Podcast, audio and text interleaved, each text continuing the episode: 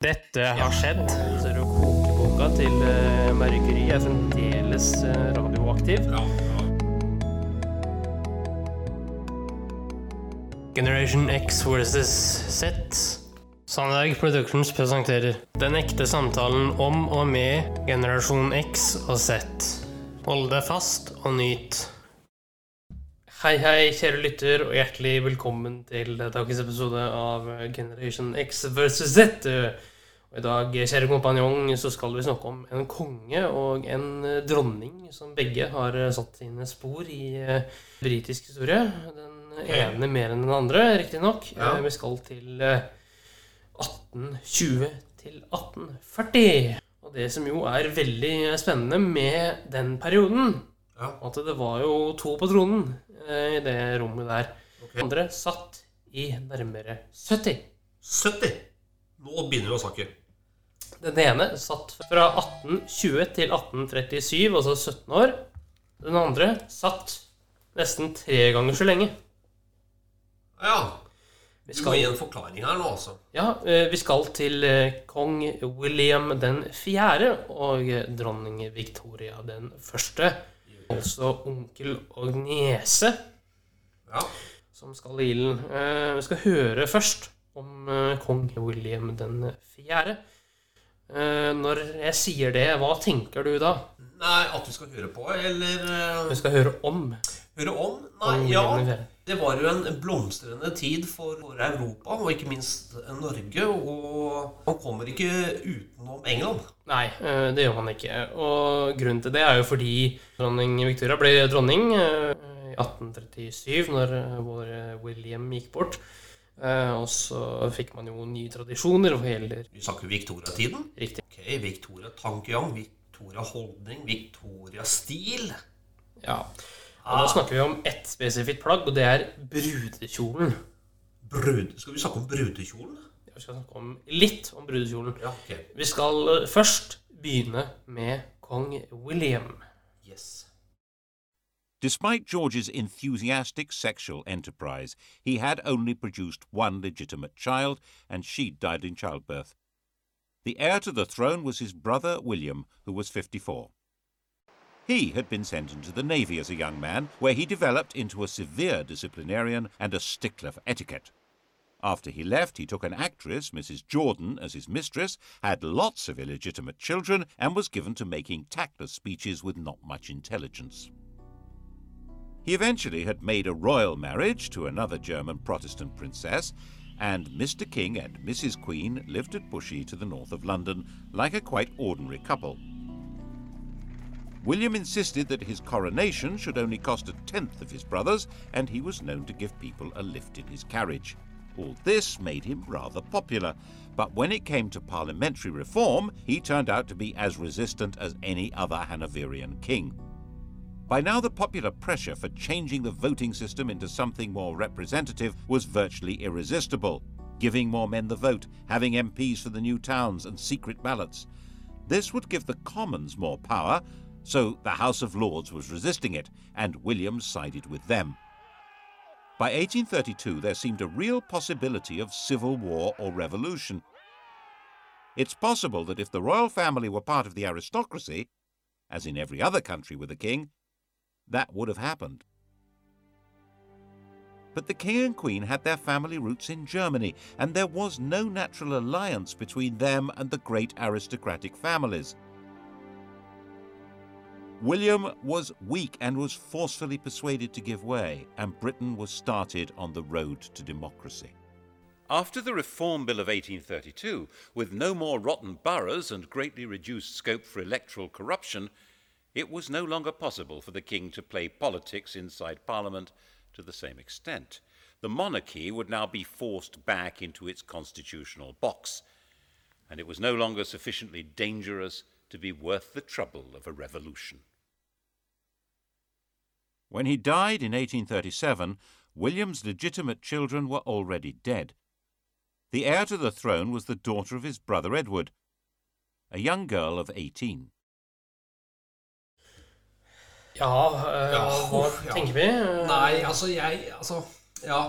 Nei, jeg tenker at uh, I dagens samfunn så, så går tiden fort, liksom, og utviklingen kjempefort. Men du verden for en utvikling de måtte oppleve det på den tiden her òg, Henrik. En gammel konge som revolusjonerte valgsystemet og var i bresjen for, for å unngå korrupsjon. Uh, eh, Hva tenker vi?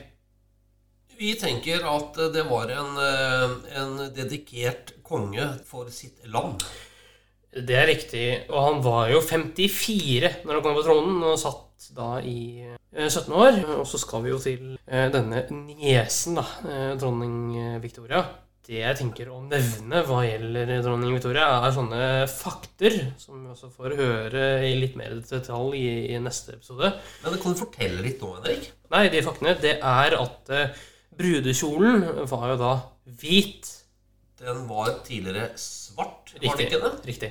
Men øh, hvem tror du brukte denne hvite brudekjolen til bryllupet sitt? Det var dronning Victoria. Og da satte man en ny standard for øh, brudekjolen. Ja.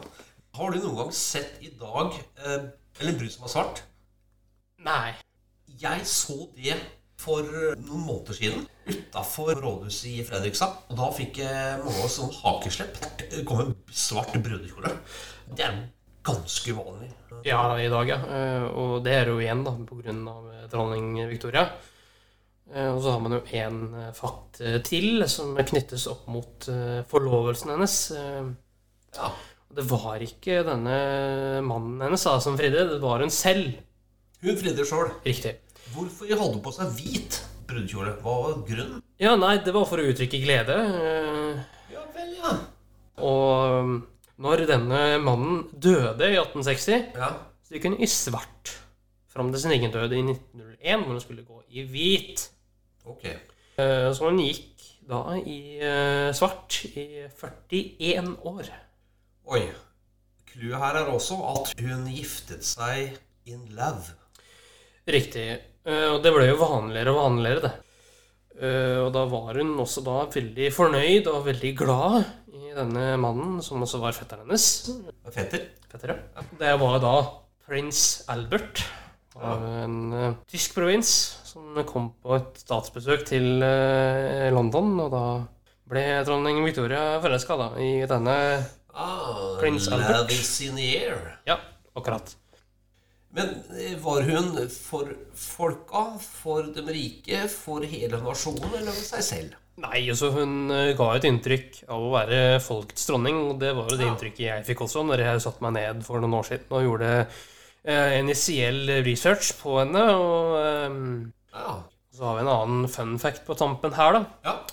Det er at alle dagens kongelige har en slektlig relasjon til dronning Victoria. Ha. Så dronning Victoria var på en måte standmoder til eh, dagens eh, kongehus. Eh, Hun fikk også et kallenavn som The Grandmother of Europe.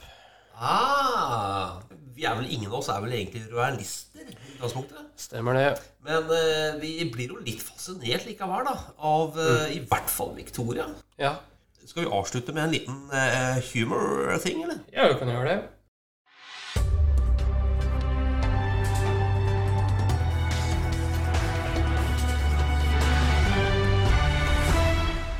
NRK-hjørnet.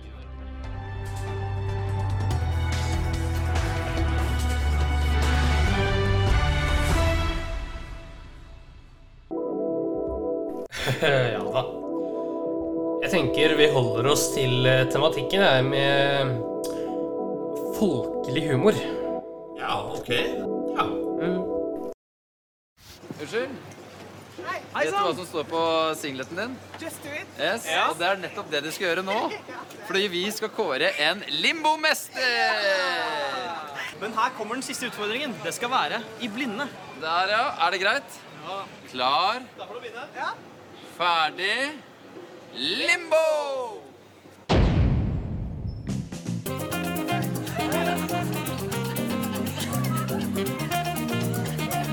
Limbo time!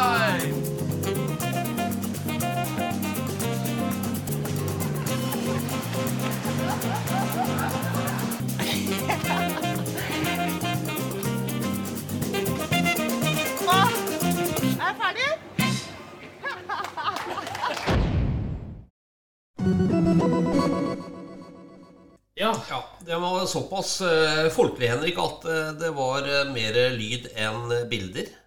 ja eh, det var bare å la fantasien rå der. Ja da. Det er også for vanlige folk til å finne sin fantasi. Riktig. Og det var hele poenget. Ha det godt, da. Ha det godt. Tusen takk for at du fulgte oss. Gi gjerne tilbakemelding, likes eller kommentar på Facebook-siden vår Generation X versus Z. Velkommen igjen til neste podkastepisode. Hei då!